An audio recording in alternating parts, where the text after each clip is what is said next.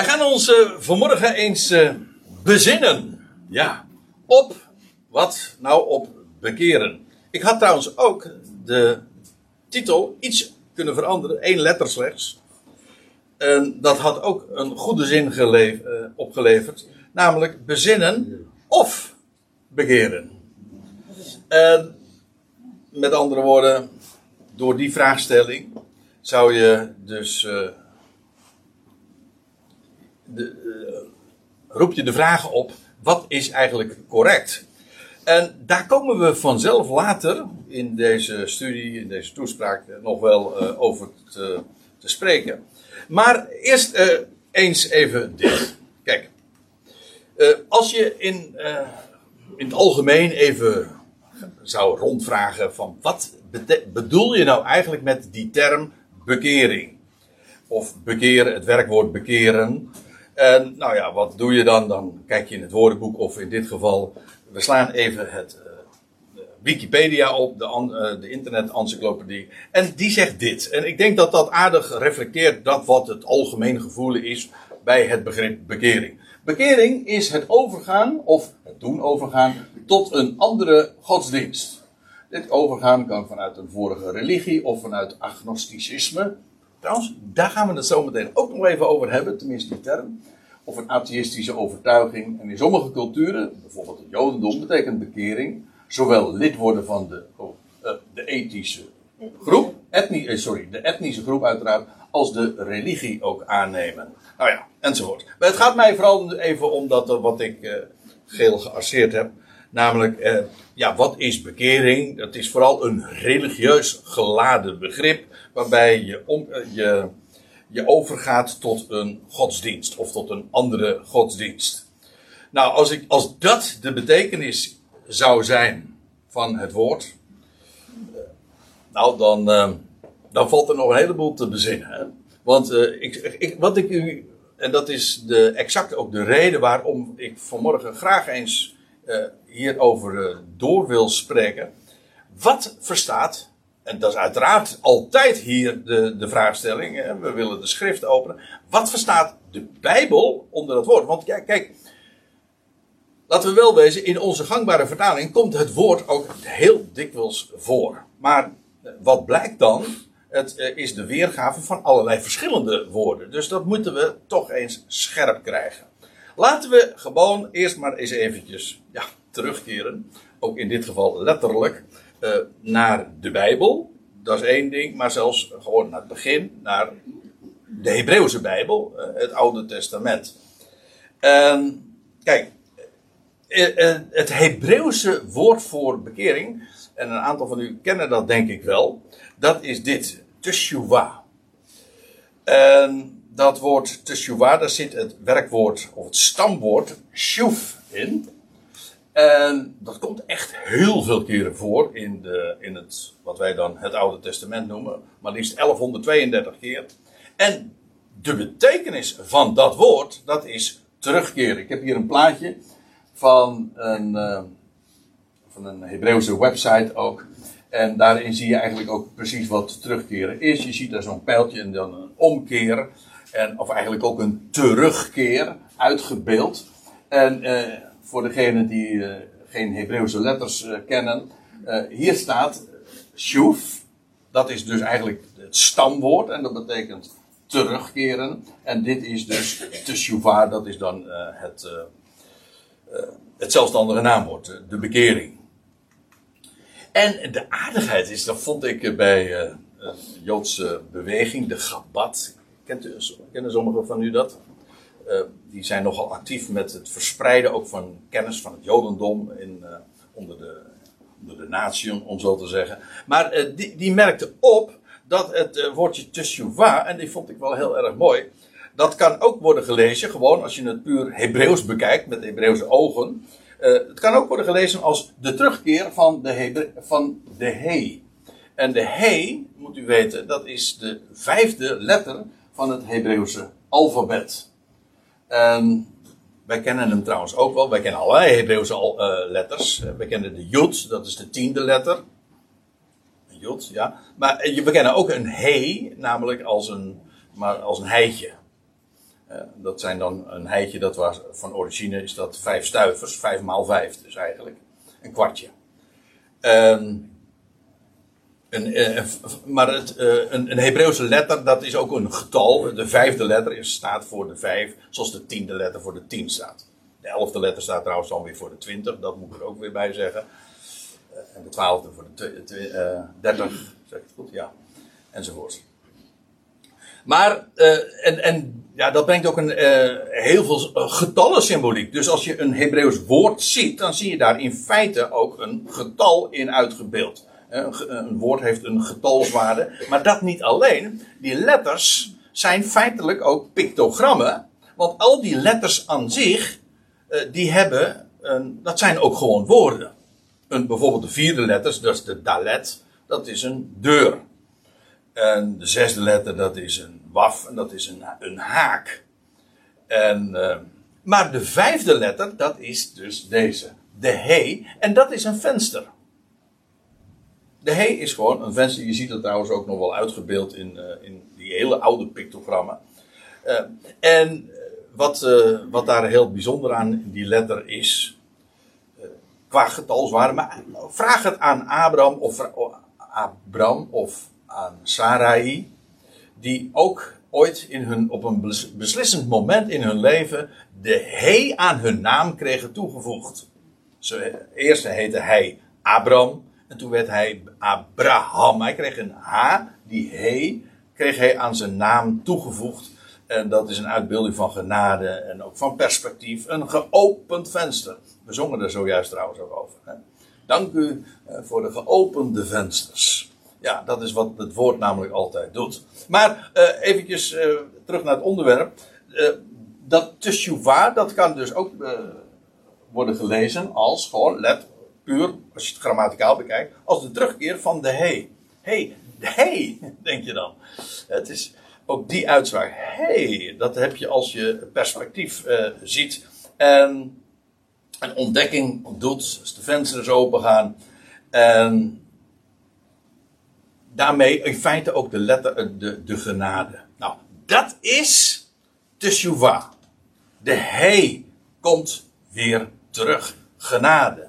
Het venster gaat open. Oké, nou, eventjes, uh, dat was een uitstapje, want dat is, uh, uh, ik, ik, moet verder gaan over dat woord zelf. Het is altijd wel bijzonder, ik zei al, het woord komt heel veel keren voor, maar het is altijd wel opmerkelijk dat als je een, een, woord onderzoekt in de Bijbel, dan pak je een concordantie, dat is logisch, hè? Je, een, trefwoordenregister, en dan kijk je gewoon van waar komt dat sjoef, dat, dat stamwoord, waar komt dat allemaal voor? En, waar begin, en de eerste vermelding is dikwijls, om niet te zeggen altijd, uh, al ja, bepalend. Dat zet, zo zeggen wij dat dan ook, dat zet de toon. Die eerste vermelding is eigenlijk, uh, zoals de Engelsen dat zeggen, the key hangs at the door. Dat wil zeggen, de, de sleutel hangt bij de deur. Daar waar je binnenkomt, waar het begrip, in dit geval het begrip teshuva of shuv binnenkomt, wel, dat is meteen ook de sleutel tot het verstaan. En dan zie je eh, dat het in Genesis 3 voor het eerst eh, komen we dat dan tegen. In, in, vers 19 van Genesis 3, dan lees je net over uh, Adam en Eva die van de verboden vrucht hebben gegeten. En dan wordt, hem aan, wordt Adam aangezegd. Eerst wordt trouwens tegen Eva nog vermeld, maar die, die op, wordt er gezegd dat de, de, de zwangerschap, hoe staat het er? Met smart zult gij kinderen baren. En daar zijn wij deze week inderdaad wel aan herinnerd. En uh, kan, kan, dat niet wat makkelijker?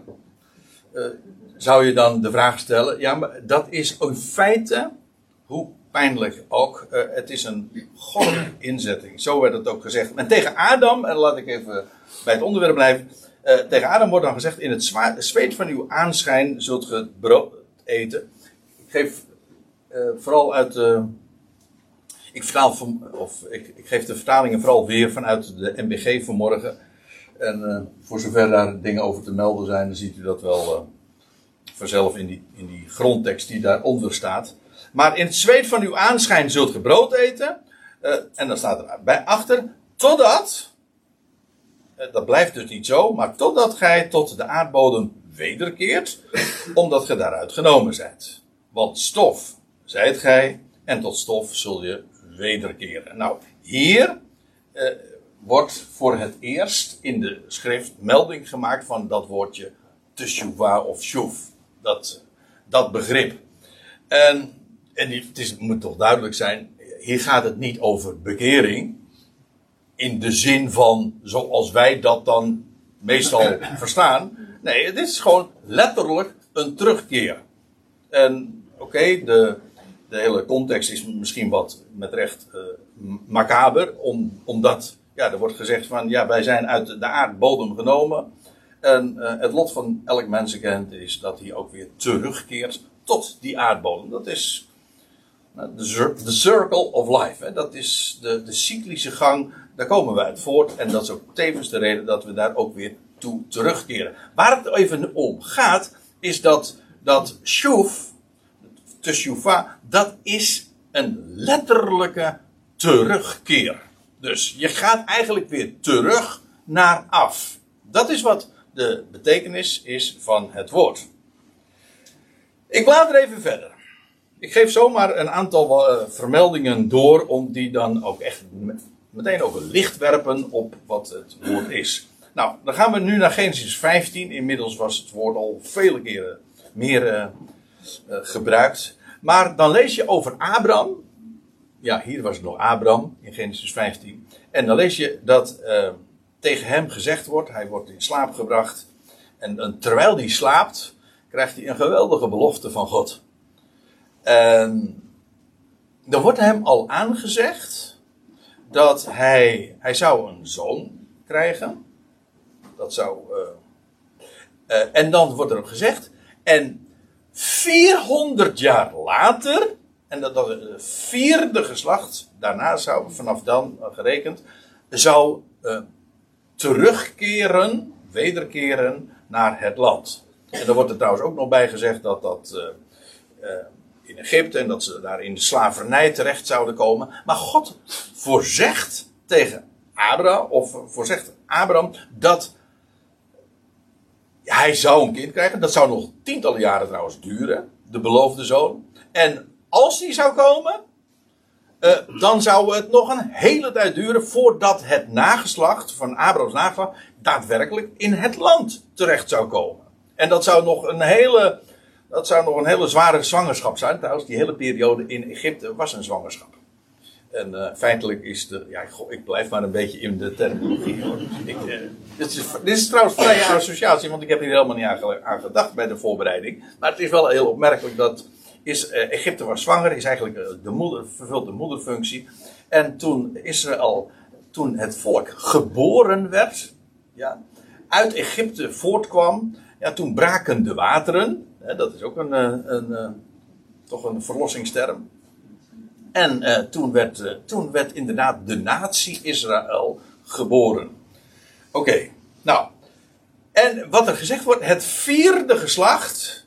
En je kunt het gewoon echt allemaal natrekken. Het is exact gegaan zoals God dat voorzegd heeft. Maar wat ik zo mooi vind, ja, God kondigt dat aan met precisie. En hij voorspelt niet, ik, ik word niet moe om dat altijd te herhalen. God voorspelt niet, dat, dat doen waarzeggers. Die kijken in de glazen bol of die kijken naar de wolken, whatever. Of naar statistieken. Ja. Eh, eh, resultaten in het verleden behaald. Ja, ja maar eh, kijk uit. Oké. Ehm, maar God voorzegt. En het vierde geslacht, er zal hierheen wederkeren. Dat wil zeggen terugkeren naar het land. En er wordt er trouwens ook nog bij gezegd waarom dat zo is. Nou, want eerder is de maat van de ongerechtigheid der Amorieten niet vol. Dat is in ieder geval één van de motieven. In feite was het ook, eh, de Amorieten het, moesten het land uit, maar dat moest eerst een maat van ongerechtigheid bereiken. Gewoon dat de maat vol was, zo zeggen wij dat ook. Hè? Dan is de maat vol en dan moet, dan moet het land ook schoongeveegd worden. God eh, heeft geduld. Hè. Pas in het derde en het vierde geslacht lees je ook in de woorden van de Exodus, Exodus 20, eh, zal hij eh, de ongerechtigheid van de vaderen bezoeken. Nee, ga ik niet toelichten, maar hij is wel heel boeiend. Oké, hier ook dus weer Teshuvah, jawel, maar dat is dus letterlijk een terugkeer. Een, dit is dus feitelijk, als je vast wil houden dat woordje bekering, waar ik op zich niet zoveel moeite mee heb, want per slotverrekening in het woord bekeren zit ook inderdaad het keren, die omslag, keren. Oké. Dan hebben we, wil ik nog een, eh, een schriftplaats noemen. En dat is Deuteronomium, Deuteronomium 30.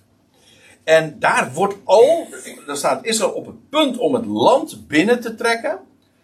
En dan doet God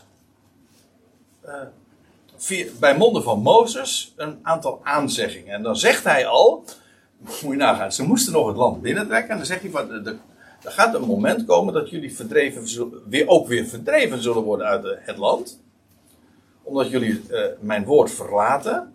Maar, zegt hij, ook dat heeft weer een totdat. Want er komt een moment uh, dat jullie je dan ook weer zullen bekeren. Luister, vers 2. En wanneer gij dan, ik lees weer uit de NBG-vertaling. En wanneer gij dan, uh, wanneer gij u dan tot de Heer, tot Jahweh, uw God, bekeert, terugkeert, hè. De Israëlieten keren terug, hè, van harte naar Jahweh, hun God, want er staat namelijk bij wanneer gij u dan tot de Heer uw God bekeert, terugkeert en naar zijn stem luistert, overeenkomstig alles wat u heden gebiedt, gij en uw kinderen, met geheel uw hart en geheel uw ziel. Het is niet alleen voorwaardelijk, het is ook gewoon een aanzegging, zo zal het gaan. De Israëlieten keren terug. Hier zie je trouwens wel uh, dat dat terugkeren dus niet alleen maar een fysiek gebeuren is. Dat wil zeggen, je, je was op die plaats en je gaat terug naar die, naar de plek van oorsprong. Maar. Uh, in dit geval is het ook een, een, een, van, een terugkeer van hart. Jullie keren, weer terug naar jullie God. En nu wil ik er ook nog iets bij zeggen. En dat is dat woordje teshuva. Is echt, het is een Hebreeuws begrip. Ja, maar het heeft ook heel specifieke betekenis. Juist voor Israël. Israël is geroepen door God. Als natie zijn zij uh, door God voorbestemd. God heeft aan hen zijn woord gegeven. En zij worden ook opgeroepen om terug te keren. Dat lees je niet over de natie. Oh, nee, de, de Israël was bij haar God en kende zijn woorden. En zij worden dan ook opgeroepen, als zij dat woord verlaten hebben, om weer terug te keren naar een God. Maar verondersteld, ze waren ooit bij God. En ze kenden zijn woord en ze leefden in zijn wegen, of ze wandelden in zijn wegen. Ja, maar dan zie je dus dat terugkeer ja, is een echt begrip dat past bij Israël, bij de positie die dat, dat volk heeft gekregen. Oké, we gaan nog. Ik lees even verder in ditzelfde gedeelte, Deuteronomium 30 wanneer gij u dan tot de Heer uw God eh, terugkeert en naar zijn stem luistert, dan, er staat erbij, dan zal de Heer uw God in uw lot een keer brengen en zich over u erbarmen. Hier wordt uh, iets anders weergegeven, maar hier staat exact hetzelfde woord weer als in het voorgaande vers. En wordt weer dat, dat stamwoord uh, van shuf gebruikt. Terugkeren dan zal de Heer uw God in uw, uh, in uw lot een keer brengen. Dat was letterlijk staat er terugkeren uit gevangenschap of uit de ballingschap. Ze, ze zouden namelijk verstrooid worden onder de natieën. En dan zouden ze vanuit de natieën, daar onder de natieën zouden ze terugkeren naar hun God, van harte. En dan zou God hen weer doen terugkeren naar het land. Ook dat is een bekering of terug, ja, terugkeer. Dat, dat, is, dat is het woord wat het beste en meest accuraat beschrijft wat de betekenis is. In die zin heb ik ook, ben ik allergisch, is een groot woord, maar dat woord bekering, ja, daar, heb, daar, daar, daar is wat mee. Als je het goed eh, begrijpt en gebruikt, dan is er niks mis mee. Maar het woord is eigenlijk, dat bedoel ik ermee te zeggen, het is zo besmet. Het heeft een bepaalde klank gekregen in, de, in, de, in het begrip van de mensen, de, wat feitelijk dus onbegrip is. En daar moet je je dus op bezinnen. Nou, dat is wat we nu eigenlijk uh, waarmee we bezig zijn. Oké, het is dus letterlijk een keer brengen in het lot, hè, een terugkeren uit de natie. Dat heet trouwens ook, uh, dat ook in het huidige Jodendom en bij, onder uh, Joodse mensen en onder het volk van Israël, heet dat ook inderdaad de teshuvah, dat wil zeggen de terugkeer vanuit de, hoe noemen ze dat? De, de verstrooiing, de, de diaspora, ja. De terugkeer vanuit de diaspora, vanuit de verstrooiing weer naar het land dat God hen heeft gegeven. Dat is een terugkeer. Daar waren ze namelijk ooit. En als je dus weer terugkeert, dan ben je weer daar waar je uh, op de plek van je bestemming. En hij zal u weer, staat er. Ja, die is ook mooi. Want ik lees even verder in hetzelfde vers. En hij, jawel, de Heer uw God, zal u weer bijeenbrengen uit al de volkeren naar wier gebied de Heer uw God u verstrooid heeft.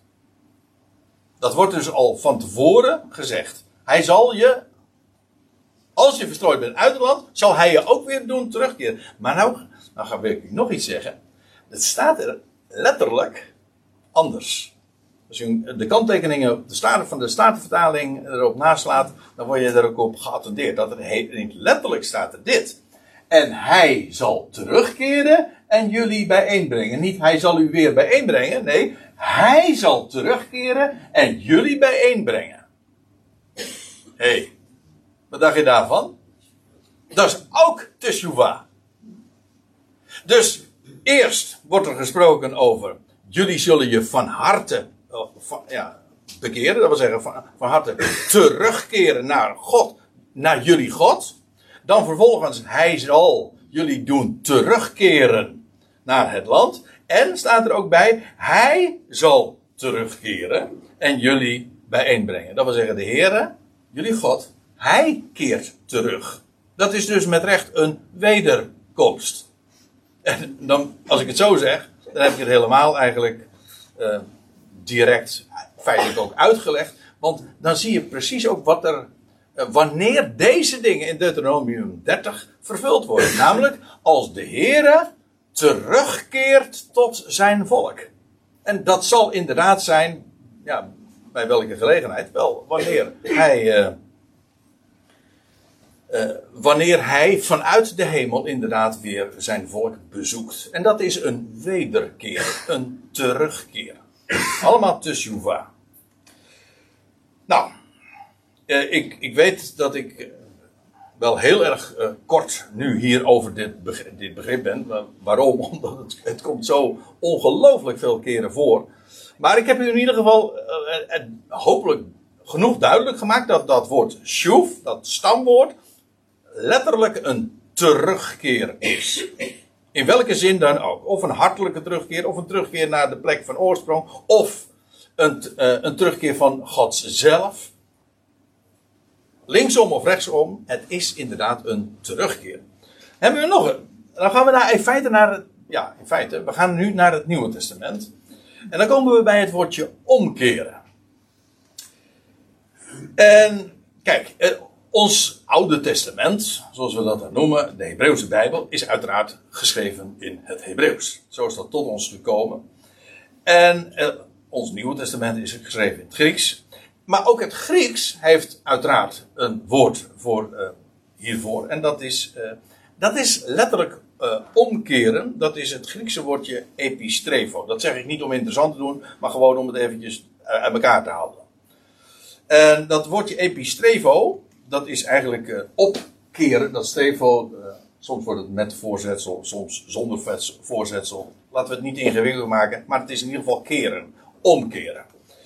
En, in de, en dat is uh, van belang, in de Septuagint, dat LXX betekent de 70, de Septuagint, dat is de Griekse vertaling van het Oude Testament.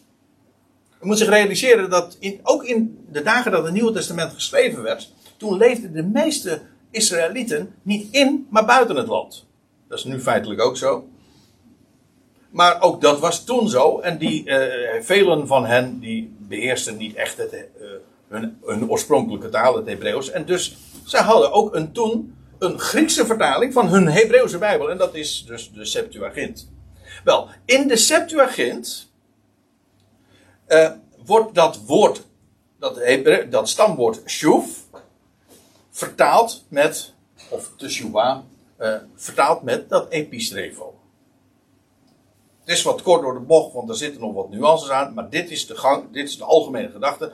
Dat woord shuv wordt weergegeven met epistrefo, zodat eh, je eigenlijk de, de gedachte krijgt, teshuva, dat is, dat, dat is het een, het ene is Hebreeuws, het andere is Grieks.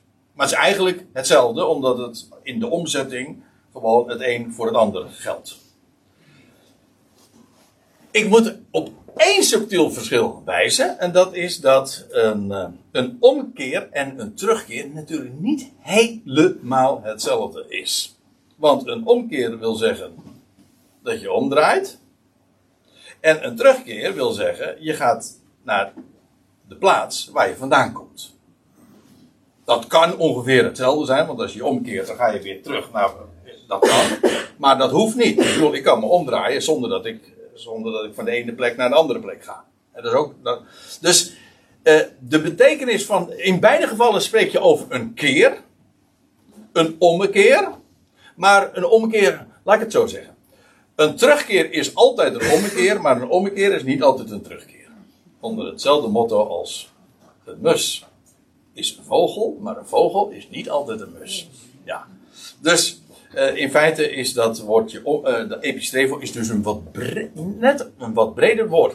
Waarom zeg ik het? Nou, omdat het toch van belang is eh, in het eh, verstaan. Ook dat wil ik illustreren. In de eerste plaats, oh ja, de terugkeer kan ook nog de betekenis hebben van eh, de, het herstel naar een oorspronkelijke toestand. Hè? Toch? Dan zeg je bijvoorbeeld, de rust is weergekeerd. Is teruggekeerd. Dat betekent eh, dat de toestand die er was, die is weer eh, hersteld. Maar goed, dat, eh, dat epistrefo is dus letterlijk een, een omkeren. Hè? Zoals je een dubbeltje. eh, sommige mensen hebben daar heel veel verstand van. Of in ieder geval, Nederlanders staan er in het algemeen bekend om. Die keren dubbeltjes om. Hè? Elk dubbeltje om. Oké.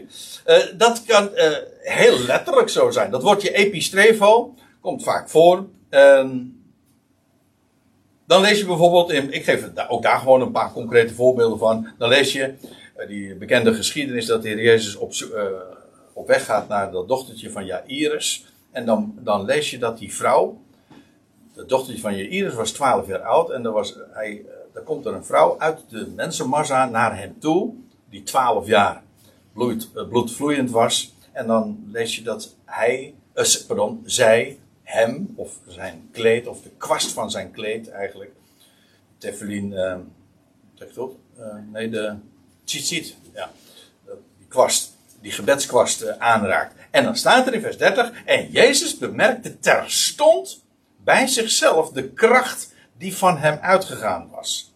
En hij keerde zich om in de schade en zei: Wie heeft mij aangeraakt? Wat een vrij voor de omstanders een bizarre vraag was. Want ja, ik werd verdrongen door, door, door iedereen. Dus iedereen raakte hem zo ongeveer aan. Eh, maar dit was een hele bijzondere aanraking. En Jezus merkt dat op. Maar goed, het gaat mij even om hier dat woordje epistrefo. Dit is letterlijk, dus omdraaien. Letterlijk, omkeren. Eh, is dit een bekering? Nou, zo, zeggen, zo zeggen wij dat niet. Dit is geen een bekering. Daarom, vind ik, daarom hecht ik er gewoon aan om het zo concreet en eh, mogelijk te zeggen. en zo dicht mogelijk bij de schrift te blijven. Dit is geen bekering. Dit is gewoon een omkeren. Een omdraaien voor mijn part. Maar in ieder geval dat. En dat is wat hier letterlijk staat. Je leest in Johannes 21, om nog een voorbeeld daarvan te geven. Dat, eh, dat is bij die maaltijd, daar bij het meer van Kinneret. Als je dan leest eh, dat Petrus dan weer in, eh, in ere hersteld wordt te midden van zijn collega-discipelen, zeg maar. En dan lees je in vers 20, en, Jezus, en Petrus keerde zich om en hij zag de discipel volgen die Jezus lief had. Dat was Johannes dan. Nou, ook hier weer, ze keerde zich om. Je, het, is, het is eigenlijk heel, het is haast filmisch beschreven. Dus zo, zo ging het. Hij keerde zich om. En ook hier weer, het is uiteraard geen bekering, maar het is wel een ommekeer. Daar gaat het maar om. En meestal wordt het meer overdrachtelijk gebruikt. Wel, letter, het is wel inderdaad echt omkeer, maar dan niet zozeer in de fysieke zin van het woord, want je kunt namelijk ook mentaal je omkeert. En inwendig. Hè? Ook, nou, dat wil ik ook laten zien. Ja, 2 Korinthe 3. Daar lees je over, is, uh, daar heeft Paulus het in dat hoofdstuk over, over het oude verbond en het nieuwe verbond. En dat, uh, dat nou ja, laat ik het voorlezen. Maar dan zegt Paulus dit. Maar tot vandaag, als Mozes wordt voorgelezen, Mozes gewoon, de Torah, de, de boeken van Mozes. Als Mozes wordt voorgelezen, ligt er een bedekking op hun hart. Dat wil zeggen, ze begrijpen het niet. Moet je, dat vind ik trouwens een heftige uitspraak hoor, als je er goed over nadenkt. Want als er toch één volk is dat zich zo intensief bezighoudt met, met de wet en, de, en het bestuderen ervan. En daar altijd mee aan de slag is. En, en dan zegt, ja niet de eerste beste. Dit zegt iemand die, die door de wol geverfd was van het, van het Joodse gedachtegoed hoor. Dus hij wist waar hij het over had. Hij zegt, maar ze begrijpen het niet. En dat is niet omdat ze niet intelligent genoeg zijn. Dat weten we allemaal, want als er één volk is dat de reputatie heeft juist wel intelligent te zijn, dan zijn zij het. Nee, maar dat komt omdat er een bedekking op hun hart ligt. Zoals uh, in feite. Uh, en die bedekking moet worden weggenomen. Zoals in feite ook een besnijdenis. Hè. De, de, de, zo spreekt de Bijbel erover. De besnijdenis van het hart. Dus in feite dan wordt de voorhuid van het hart weggenomen. En wel, dat is die bedekking. Men houdt zich wel bezig met, met die wet, met Mozes, maar men begrijpt het niet. En dan staat erbij, uh, ja, die bedekking wordt ook maar op één manier weggenomen en dat is wanneer men zicht krijgt op hun eigen Messias. En dan gaan ze, als ze dat zien, ja, dan wordt de bedekking weggenomen. Dat, dat legt Paulus allemaal in dit gedeelte uit. En nou komt het. Zodra het echter zal omkeren. Dit is de vrij letterlijke vertaling. Zodra het echter zal omkeren naar de Heer. Wordt de bedekking weggenomen. Hier wordt weer dat woordje uh, epistrevo gebruikt. In feite. Um, wat hier gezegd. Kijk, het is individueel zo. Dat is vandaag ook zo. Dat op het moment dat een Jood Mozes leest en hij komt tot ontdek, ontdekking, de bedekking wordt weggenomen van de Messias, ja, dan ga je ook Mozes begrijpen. Alles wat daarin staat, eens wordt duidelijk, omdat de hele symboliek, de, de achtergrond, de, de, de, de, de, allegorie en dus, nou, alles. De diepgang, de betekenis van, van Mozes en al die boeken wordt dan duidelijk.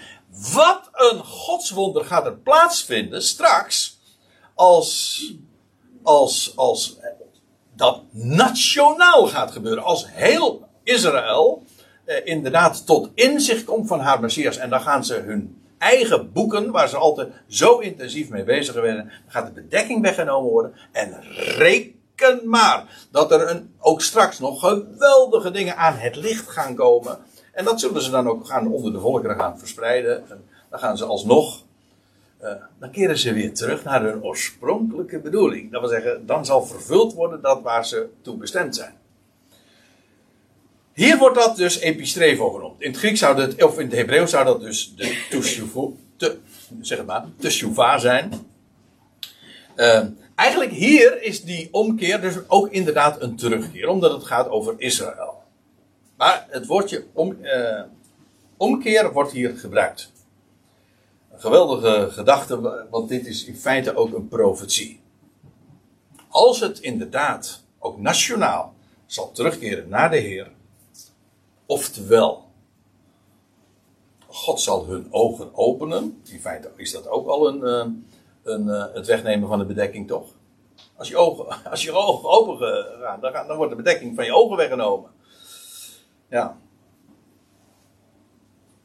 Trouwens, dan moet.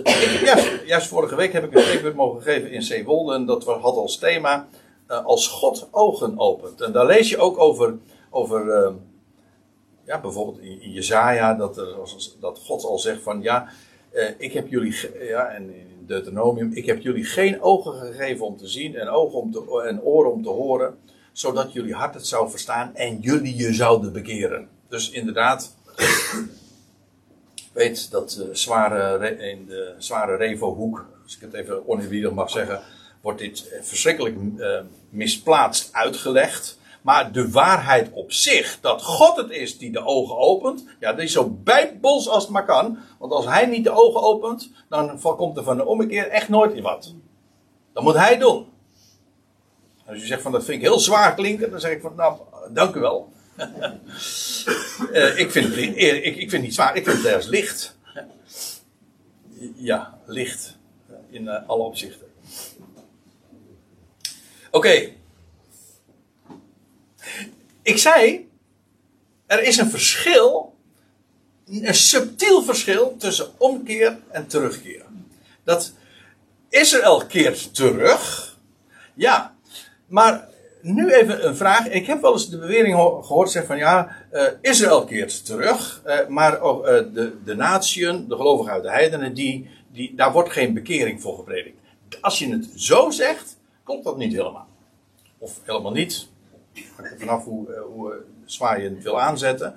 Want dat woordje epistrevo, die ommekeer, wordt niet alleen gebruikt in verband met Israël,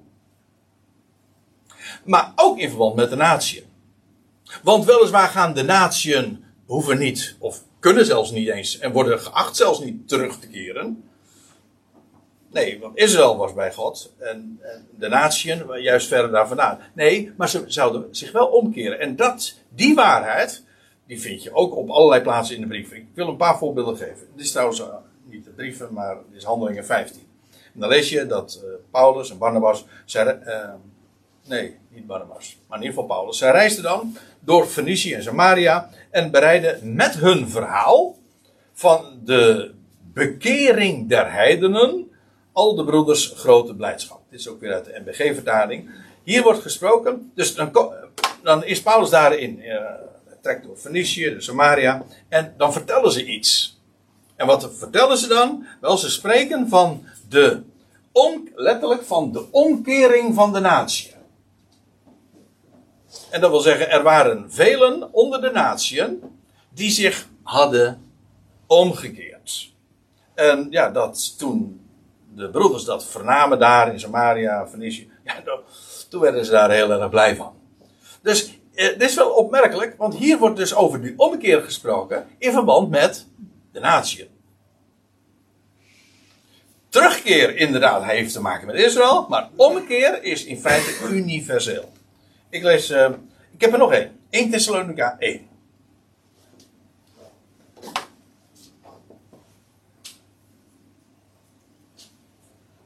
Daar staat in vers, uh, het laatste vers, of één laatste vers van dat eerste hoofdstuk. En dan uh, lees je over in Thessalonica, het huidige Saloniki. Daar uh, was een enorme roep uitgegaan van die gelovigen.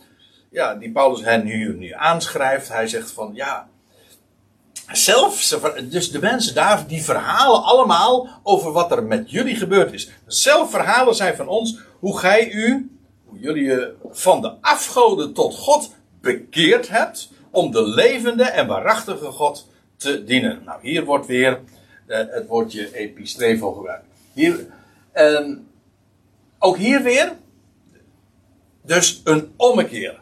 En dat is hier ook heel letterlijk. Omgekeerd naar de God toe. Ziet u trouwens? Dat jullie omkeren naar de God toe. Dit is letterlijk ook een omdraaien. Waarom? Omdat ze namelijk. Uh, ze waren gericht op de afgoden. De goden onder de volkeren. Daar was men opgekeerd. En door het woord wat Paulus hen had gepredikt waren ze omgedraaid, namelijk tot de God. Dat is met recht dus echt een totale innerlijke omkeer. Dus je krijgt dus deze gedachte, men, men was gericht op de afgoden en dan gebeurt er, dan draaien ze zich om, een ommekeer tot de God, namelijk de ene. Dat is echt dus letterlijk een ommekeer. nou, en dan heb ik nog uh, ik had het al aangekondigd eigenlijk in de titel, nog een woord. En die moet echt ook uh, beslist nog aan de orde komen. En dat is het woord bezinnen. En waarom neem ik dat erbij? Wel omdat dit woord dit eigenlijke woord meestal in de vertalingen wordt weergegeven met bekeren. Kijk, het Grieks, ik zal het eh, even puntsgewijs neer, uh, weergeven. Je hebt er een, Grieks woord voor uh, bezinning en dat is metanoia. En als ik even dus, dat is eigenlijk het zelfstandig naamwoord, de, dus de bezinning, maar ook bezinnen als werkwoord, komt het in totaal 57 keer voor in ons Nieuwe Testament. En letterlijk betekent metanoia. Meta is een voorzetsel, betekent met of na, of om. En dat noia heeft te maken met de denkzin. We kennen dat allemaal nog van paranoia. Ja, ja dan, uh, als je paranoia bent, dan betekent dat de, de, de, dan, dan zit je denkzin ernaast. Hè? Dan ben je dus eigenlijk. Uh, Waar is je denkzin? Nou, niet hier, maar die is ernaast. En dan ben je dus paranoia. Maar metanoia, daar, in dat woord zit, centraal staat het woordje noia. Dat is de denkzin. En ik vind het een hele uh, kwalijke zaak dat in de gangbare vertalingen, ik heb het nu dus over de MBG-vertaling, Statenvertaling, en in, de, in Engels en Duits is in feite hetzelfde verhaal, wordt dit woord weergegeven ook met bekeren. En dat is, dat is volkomen ten onrechte en soms zelfs onmogelijk. En ook dat wil ik laten zien. Dan krijg je hele, dan krijg je, dat is eigenlijk haast, uh, ja, haast lachwekkend. ik van, goh, ja, hoe, hoe, redden de vertalers zich hier in vredesnaam uit? Nou, niet dus. Maar, kijk, waarom? Bekeren ik, ik, wat ik vertelde over terugkeer of ommekeer, dat is letterlijk dus een omkering. Dit woord, metanoia, het werkwoord daarvan, ik gebruik het even expres zo, metanoia, dat heeft te maken met de denkzin. Daar zit niet de gedachte in van een ommekeer, of een, een terugkeer, maar wil zeggen, je denkt en je denkt om. Oké, ik begrijp waarom men zegt van ja, maar dat betekent dus ook dat er een omkeer in je denken is. Jawel, maar het, is, het heeft te maken met bezinnen. Juist dat woord, de, de denkzin, is essentieel. Nou, ik zal een aantal voorbeelden geven. Ik zei al, in, het, eh, in ons Nieuwe Testament wordt juist dit woord uh, weergegeven met bekeren of bekering. Er staat in uh, Matthäus 4, uh, vers 17. Van toen af aan, dat is nog het begin van Jezus' bediening, begon Jezus te prediken en te zeggen: Bekeert u, want het koninkrijk der hemelen is nabijgekomen. Maar hier staat weer: Bezin je. Heeft dat niks met bekeren of terugkeren of omkeren te maken? Jawel, dat, dat ontken ik niet. Ik zeg alleen, het is een ander woord. Het heeft te maken met bezin je. En bezinnen, en dat zal ik ook laten zien, en dat is in feite hier al het geval, is altijd het gevolg van dat je hen iets, iets vertelt wat nieuw is, of wat je vergeten bent. Maar dat je dus niet meer weet. Dat je niet weet of niet meer weet. Maar in ieder geval, je weet het niet dus. Je bent onbekend met. En dat is belangrijk. En, alleen, en op het moment dat je iets vertelt wat de ander niet weet, of niet meer weet, dan kun je gaan bezinnen. En dat is hier ook het geval, want wat, wat, wat predikt Jezus, dat deed Johannes de Doper ook, dat lees je in het hoofdstuk daarvoor al. Het koninkrijk der hemelen is nabijgekomen en dat wist men ook. Of niet, nee, nee, nou moet ik het goed zeggen. Dat wordt verteld en dat wordt ook onderbouwd.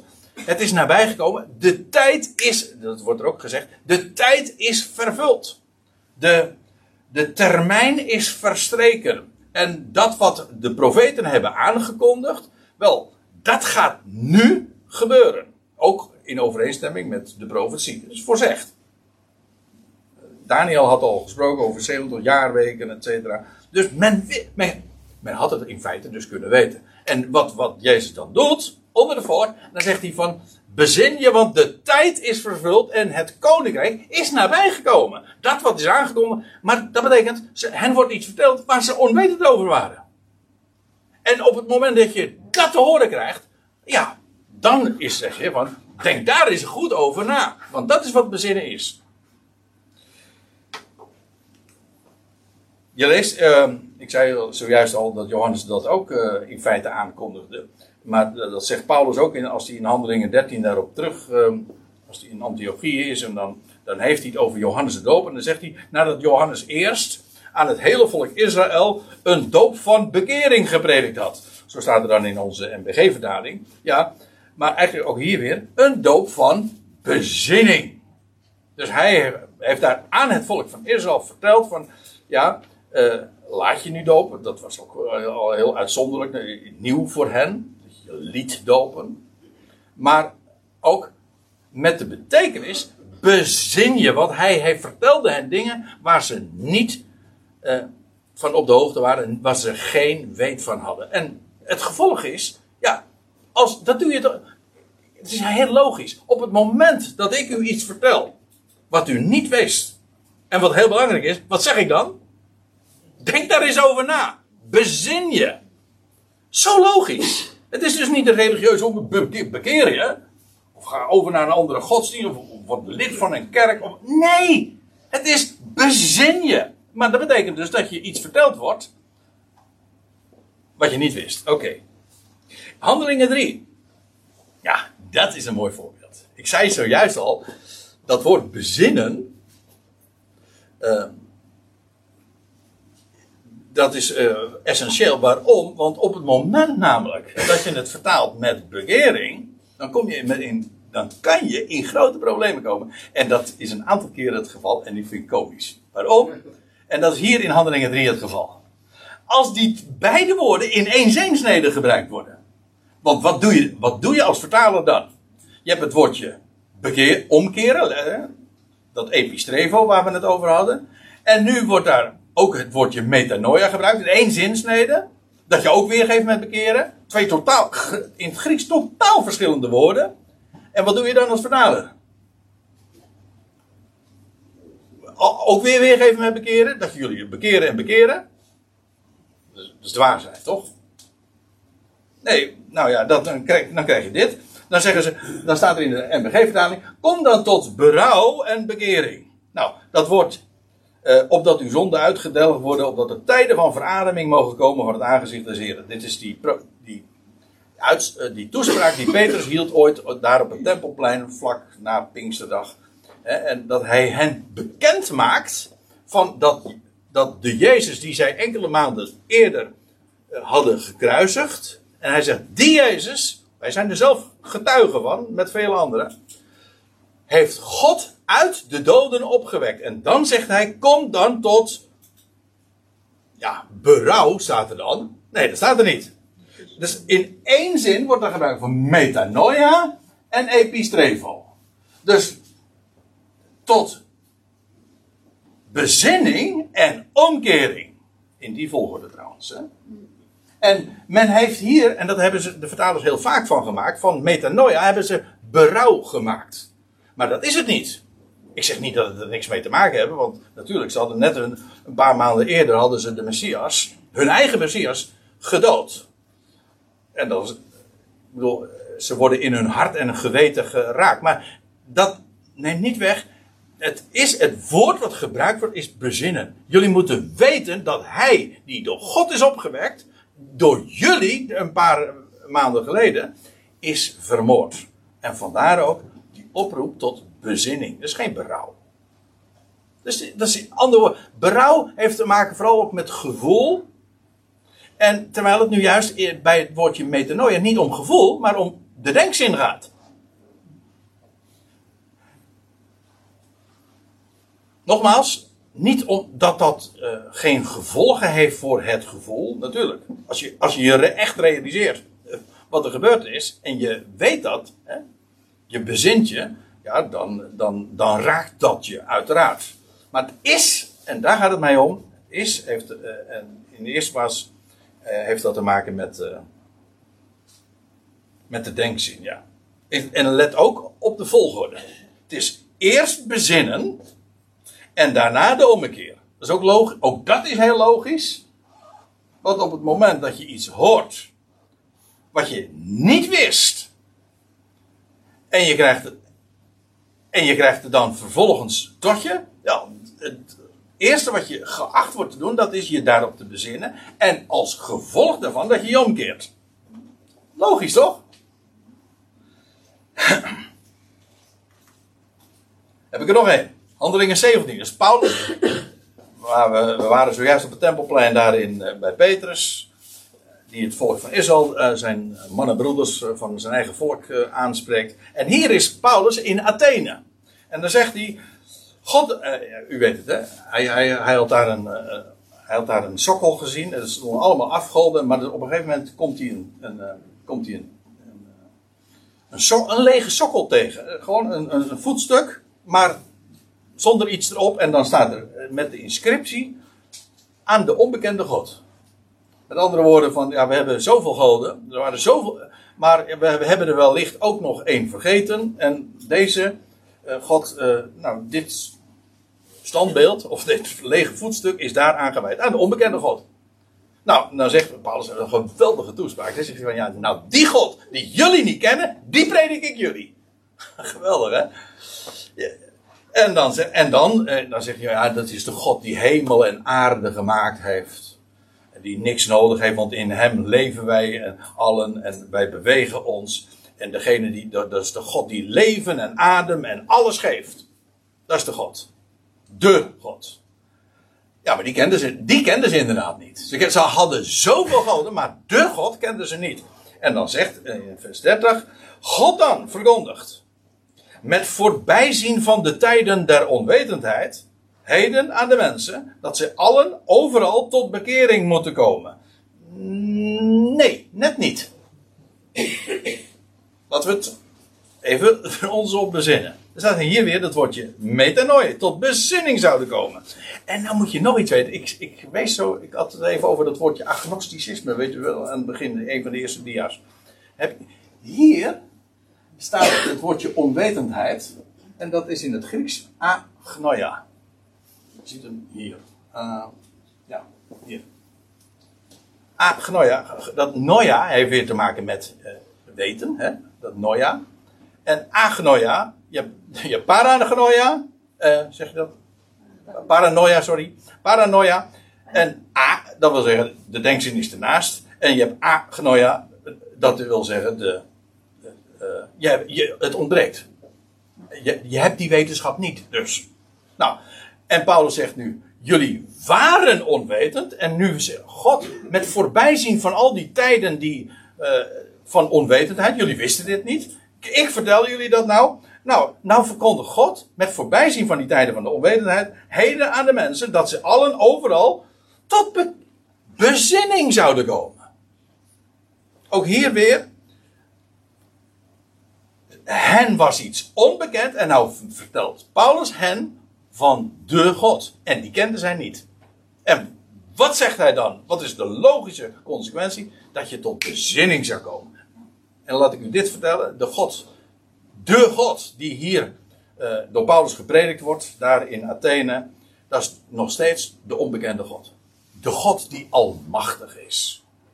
Die zijn hele schepping omspant en die nooit mistast. Dat is nog steeds de onbekende God. En ja, wat moet je doen? Nou, vertel, mensen maar van die God. En wat zeg je dan? Je moet je bekeren? Nee, je vertelt van wat ze niet wisten.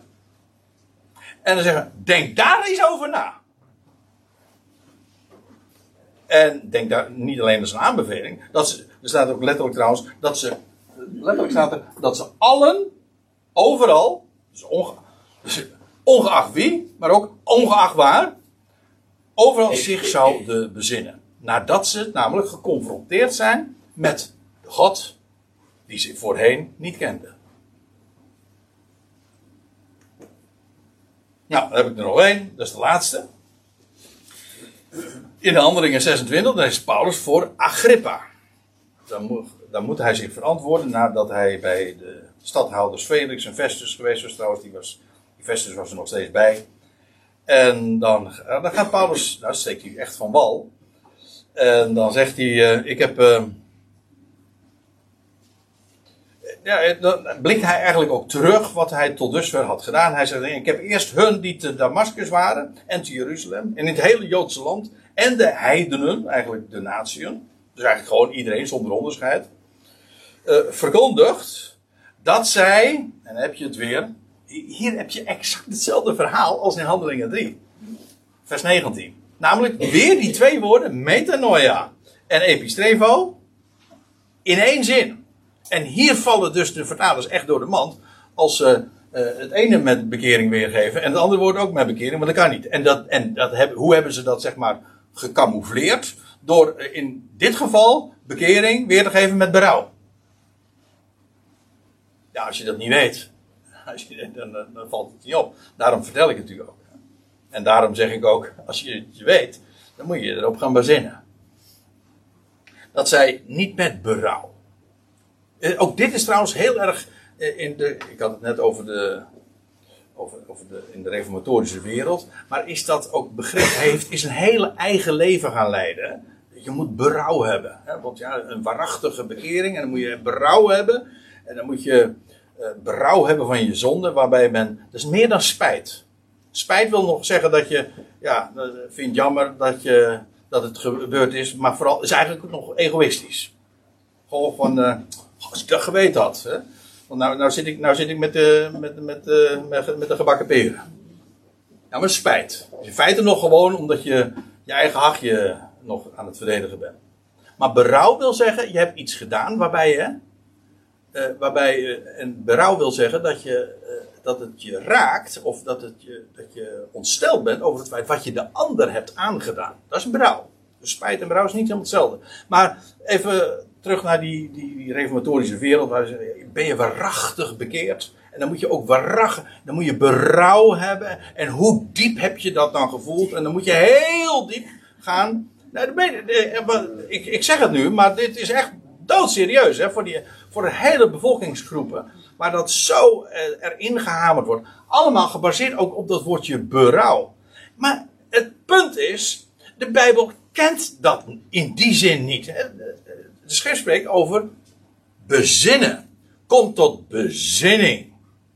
En weet wie die God is. Dat is wat Paulus aan de natie vertelt. En aan het Joodse land vertelt hij in feite ook hetzelfde. Maar ook dan vooral met, ja, met dat wat zij vanuit de schrift ook wisten. Nou, hier ook weer. Bezinnen en omkeren. En er staat er nog bij. En werken. Dat ze, hij, wat hij Paulus dus eigenlijk overal vertelt. Is dat ze zich zouden bezinnen en omkeren naar de God. Ja? En vervolgens ook werken doen met hun berouw, nee, met hun uh, bezinning in overeenstemming. Dus werken in overeenstemming met het nieuwe denken. Ja, want dan, wat er gebeurt, is dat God dan dingen gaat uitwerken. En dat niet alleen. Blijkt nog iets trouwens. Uh, om, de mens wordt geacht dat is wat altijd weer in de brieven doorklinkt. Een mens wordt geacht te doen, te handelen, te werken, of hoe je het ook maar omschrijft, de praktijk dus. Ja, in overeenstemming met wat te brengen. Niet met gevoel. Een mens zou niet doen wat hij voelt, maar met wat hij weet. Nou, dan moet je, dan moet je wel weten natuurlijk. Wie de God is. En als je eenmaal weet hoe het zit, ja, dat is uh, wat, wat, Paulus in zijn brieven, trouwens in het algemeen in de Bijbel, wordt toe opgeroepen. Namelijk te doen, te handelen naar wat je weet. Niet naar wat je wil. Dus, kan het niet nalaten om het toch nog eventjes te zeggen. Maar dat is het gif van vandaag. Ik vind het echt gif. Wat al overal doorcijpelt. Je bent wie je voelt is verschrikkelijke.